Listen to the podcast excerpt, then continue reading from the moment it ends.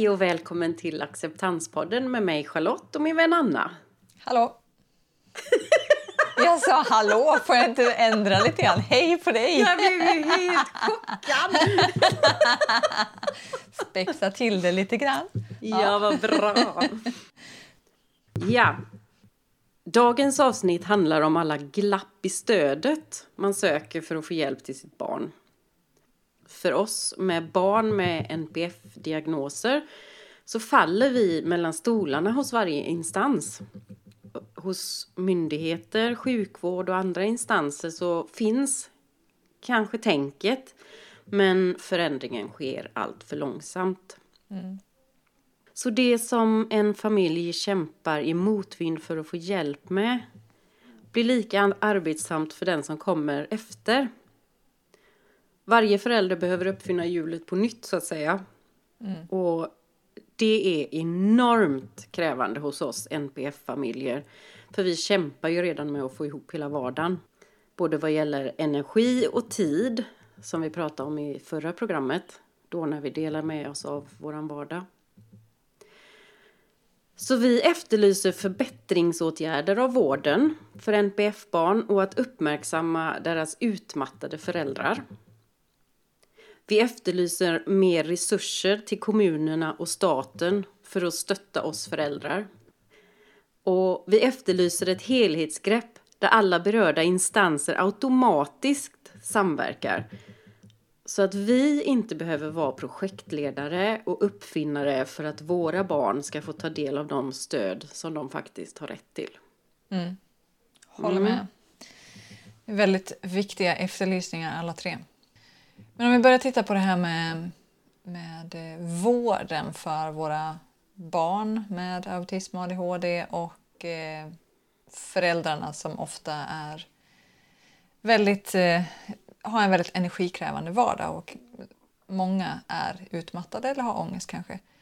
Mm. Och eh, enligt en undersökning som Riksförbundet Attention gjorde så svarade 44 procent av föräldrarna till barn med en NPF-diagnos att de har varit eller riskerar att bli sjukskrivna på grund av utmattning som de härleder till barnets diagnos.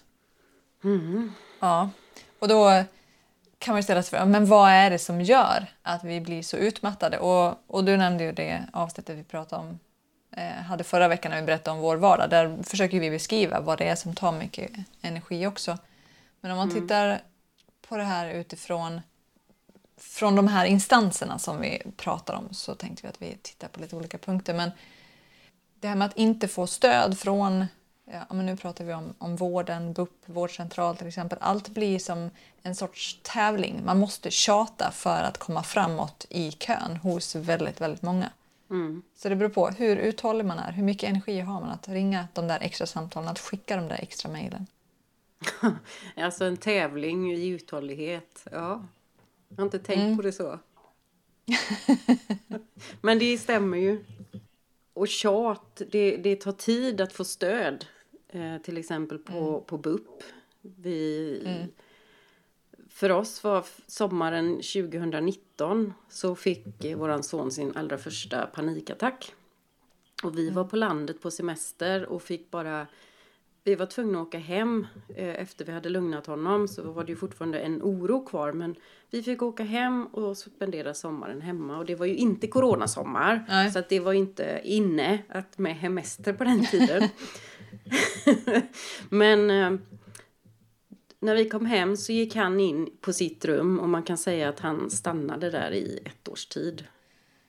Alltså jag, och, ja, jag ryser av obehag ja. när jag hör dig säga det. Och det är ingen som tror oss. Utan, men, men gör han inte det eller gjorde han inte det? Nej, han kom inte ut i rummet mer än att gå på toaletten. Mm. Eh, hans ångest var så stor så att rummets fyra väggar blev hans trygghet. Han mm. gick på toa ibland. Mm. Det var då vi såg honom liksom. Vi fick ju hjälp vi, direkt av en sköterska på BUP så vi höjde antidepressiva dosen. Mm. Men eh, vi fick inte någon läkare inbokad. Mm. Och sen mitt uppe i detta så kickade BUP ut oss för vi var, tillhörde inte rätt landsting. Nej. Och nu behövde vi så mycket mer stöd. Och vi hade valt detta landstinget för att våran egen inte hade en fungerande vård. Nej. Eh, och det är inte konstigt att de, inte, att de kastade ut oss för att de fick inte pengar från vårt landsting där vi tillhörde. Se det framför dig, liksom. ditt barn mår så dåligt så han lämnar inte sitt rum. Mer än någon timme då och då. Och någon gång lyckas vi få iväg honom till skolan. Någon timme. Och för att minska kraven på honom så Ja, vi vill ju minska kraven för att inte öka oron. Och, så han får ju äta i rummet, han borstar tänderna i rummet. Liksom, Han gör allt i rummet. Och samtidigt eh, så försöker vi locka ut honom och få honom att känna glädje någonstans. Men vi fick inte hjälp någonstans ifrån för att det är köer. Vet du hur länge det tog för oss att få hjälp av en psykolog för att behandla ångesten? Nej. Ett år! Det. Ja, jag vet inte. Alltså det är så, ja, det är så tragiskt. Att det är så. Ja. Jag vet inte vad jag ska svara på det där. För det är... Ett år där ett barns liv läggs på is. Bara för samhället finns inte där för dig. Nej. Nej, tänk om han hade brutit benet. Och så säger de du måste vänta, vi har inga platser. Och så tar det ett år innan man får tid. Och benet växer samman Ja, fel. exakt. Och det är ju det som händer med våra barn. Fast Ja, deras själ växer samman fel. Mm. Får vi korrigera det i efterhand. Vilket? Själen.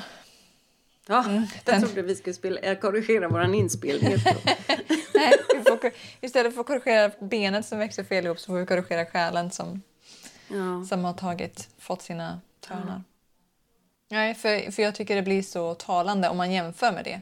Vem skulle acceptera att gå ett år i väntan på att man har brutit ett ben? Ingen. Ingen. Nej. Men alla, alla NPF-barn går Mm. bara och väntar. Ja, extremt många i alla fall. Alldeles för många. Så att, ja, nej, så utifrån det här, alltså vi efterlyser och alla NPF-föräldrar som jag har träffat och läst som har skrivit någonting, vi ef- efterlyser rätt stöd i rätt tid från BUP. Och exakt vad som behövs. Jag vet att de jobbar med det här uppifrån också. Vi har sett det på olika kon- konferenser som de har haft. Men vi behöver ju komma snabbare till läkare, vi behöver komma snabbare till psykologer, vi behöver få utredningarna snabbare. Så någonting behöver verkligen förändras. Mm. förändras. Så de behöver justera, få mer resurser eller justera sina resurser. Se till att de finns där för våra barn. Mm. Och man ska kunna få träffa en läkare utan att tjata sig till det, utan att man har självmordstankar. Och psykologer som kan jobba som med föräldrastöd skulle ju också behöva finnas naturligt som Verkligen.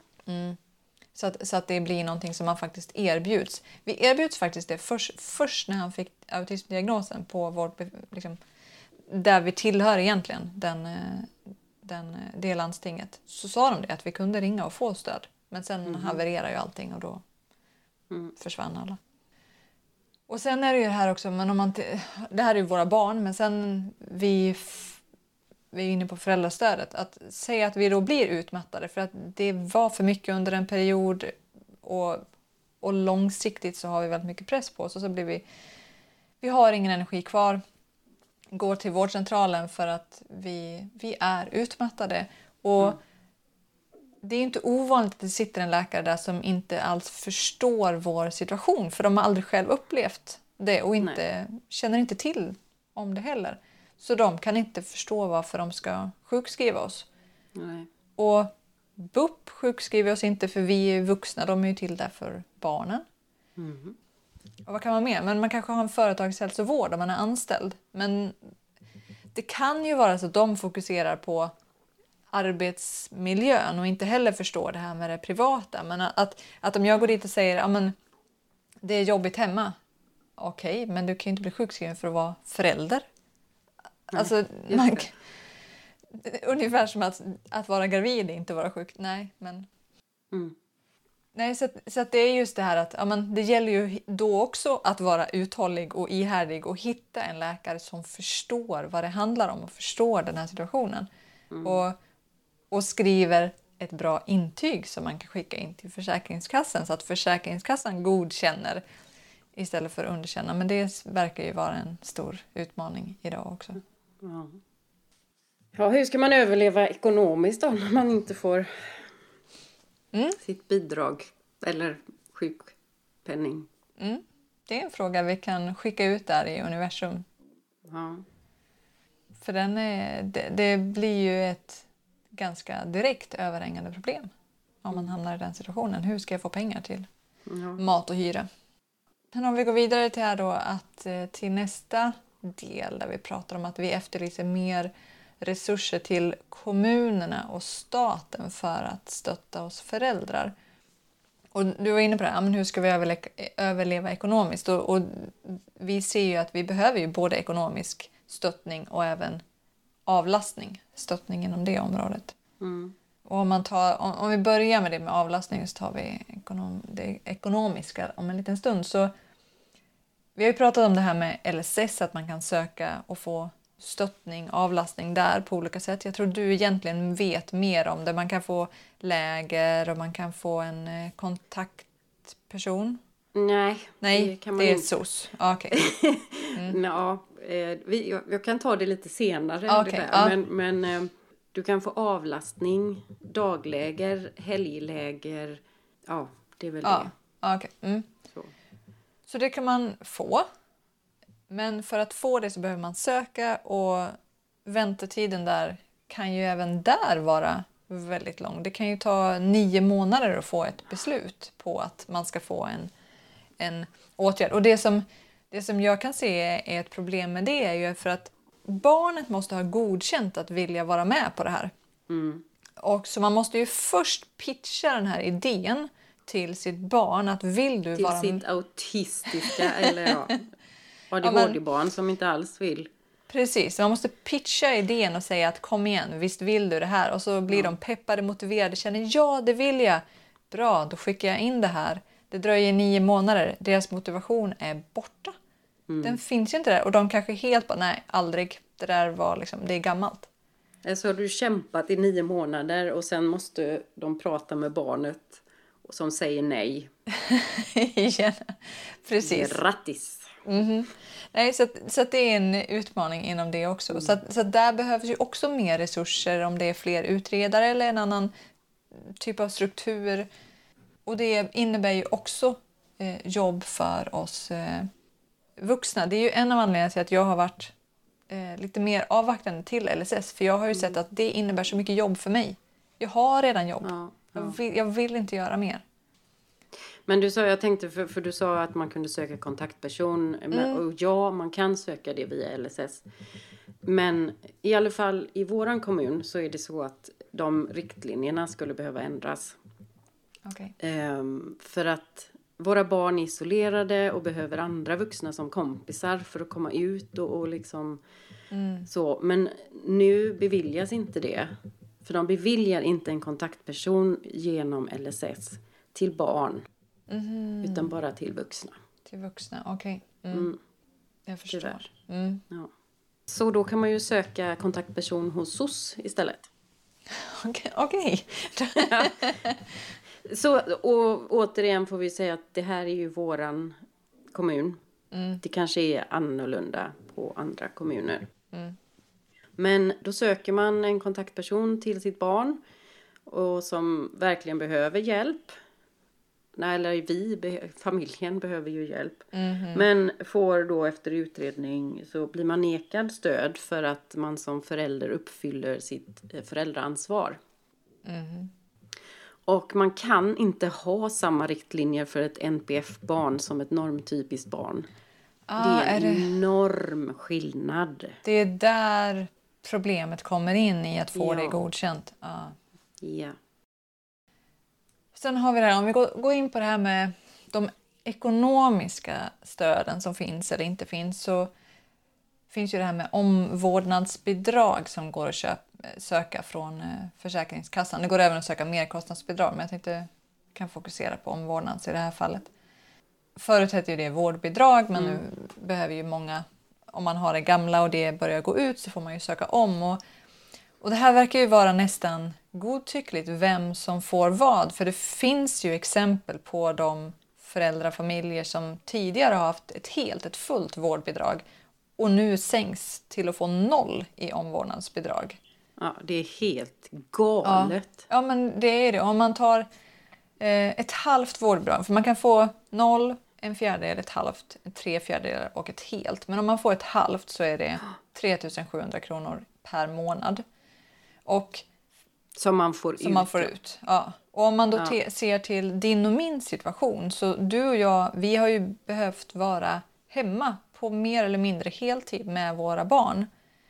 Och då tycker jag det är ganska det är värt att nämna att omvårdnadsbidraget uttryckligen, det står att det ska inte täcka inkomstbortfallet. Utan det här mm. handlar ju om omvårdnad, de där extra grejerna som man behöver som man inte behöver hos normtypiska barn. Mm. Den extra tiden och energin man lägger in. Men jag är ju sån här att jag gräver ju mig ner för jag vill ju hitta jag vill ju på något sätt hitta ett flöde, att men allt hänger ihop. Det finns saker som stöttar upp längs med vägen men här finns det ju verkligen ett glapp för sådana som dig och mig som är hemma. För omvårdnadsbidraget ja. täcker inte bortfall. Då kan man börja tänka, okej, okay, men man kan ju söka det här med LSS och få en, någon som kommer hem till en och avlastar på det sättet. Kanske kan man få det då mm. under mm. skoltid kan jag tänka då, för att då kan ju jag arbeta. Men det går inte, för att de gör ju inte det under skoltid för då ska ju barnen vara i skolan. Det är ju skol... Men våra barn är inte i Exakt. skolan. Viktigt att förtydliga därför. Precis. Så där blir ju också ett glapp då att de är inte i skolan, vi vill ha stöd för det, men det går inte för de ska vara i skolan. Okej. Okay. Och vi kan inte jobba och vi får inte... Nej. Vi vill jobba. Vi vill jobba. Vi, vi vill ju inte gå hem och låta oss. Nej. Och våra barn vill vara i skolan, de vill vara i sitt ja. sociala sammanhang. Och samtidigt som vi nämnde tidigare det här att ja, men det kan vara svårt att bli sjukskriven, det kan vara svårt att sen också då få ut pengar från Försäkringskassan. Mm. Så att då kanske man står där mellan med 0 kronor eller 3700 kronor per månad och har gått från en lön tidigare. Och här, mm. här jag verkligen, man kan ju få vab under en begränsad tid och är barnet över en viss ålder så behöver man ju extra intyg för det. Men det är, också, det är även tidsbegränsat och, och gäller att ha tur med mm. Försäkringskassan. Och här behöver man också ha koll på om Försäkringskassan anser att vab-tiden ingår i omvårdnadsbidraget eller inte. Ja. Så det är jättemycket att hålla reda på och verkligen förstå hur det hänger ihop. Men utifrån allt som jag har verkligen läst in mig på så det finns inget som täcker upp så att jag ska kunna jobba eller så att jag ska kunna få bli kompenserad för min inkomst, mitt inkomstbortfall. Mm. Mm. Så det är konsekvensen som, som allt det här har på vår privatekonomi. Mm.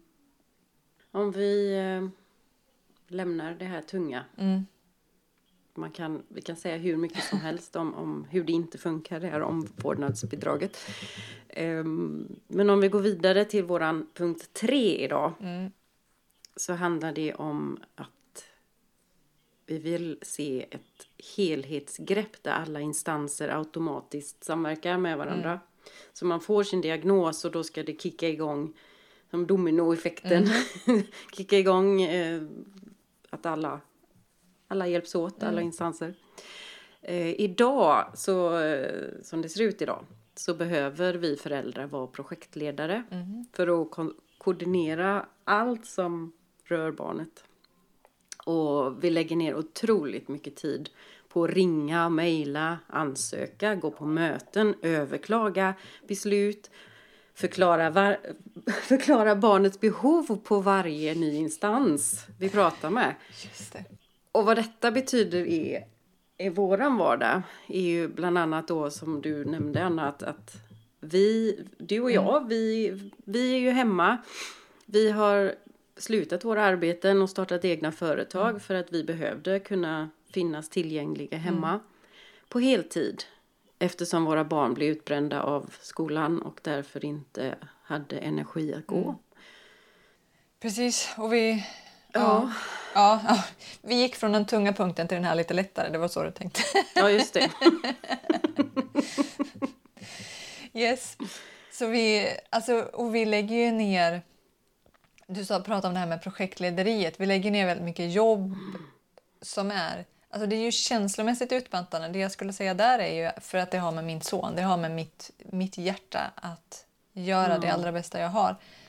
Och man lägger ner så mycket jobb utan att faktiskt vara säker på att det egentligen kommer ge någon utdelning i slutändan. Men mm.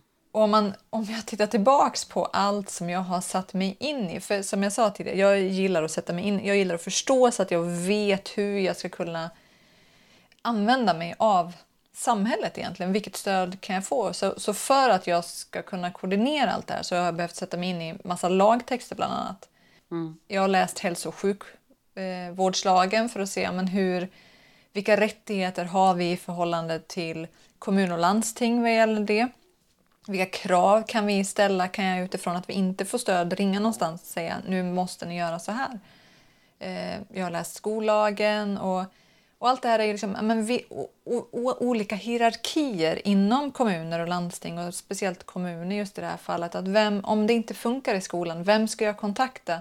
Vilka inom skolsystemet jobbar för, som jag upplever då, upp, jobbar för mig och mitt barn och vilka jobbar kanske för skolan? Vil, vad har de för perspektiv? Jag blir trött bara jag hör dig. jag, blir, jag blir så här... Att göra detta blir ju...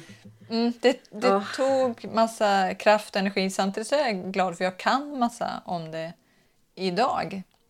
Mm. Men det är ju tungt att sätta sig in i allt det där. Mm. Och det var ju bara det var ju en liten del av det som jag gjorde för att koordinera. Så, mm. Och vad händer då med de föräldrar som inte har möjlighet eller ork eller kan sätta sig in i de här lagtexterna? För det är ju ändå lagtexter. Man behöver läsa och tolka och förstå och kanske läsa de förklarande texterna. Det är ju massor att sätta sig in i. Så, så de föräldrarna mm. som inte orkar tjata, inte orkar vara uthålliga, inte sätter sig in i, de hamnar ju längst ner på listan. Ja, deras barn ja. Ja, precis. Ja.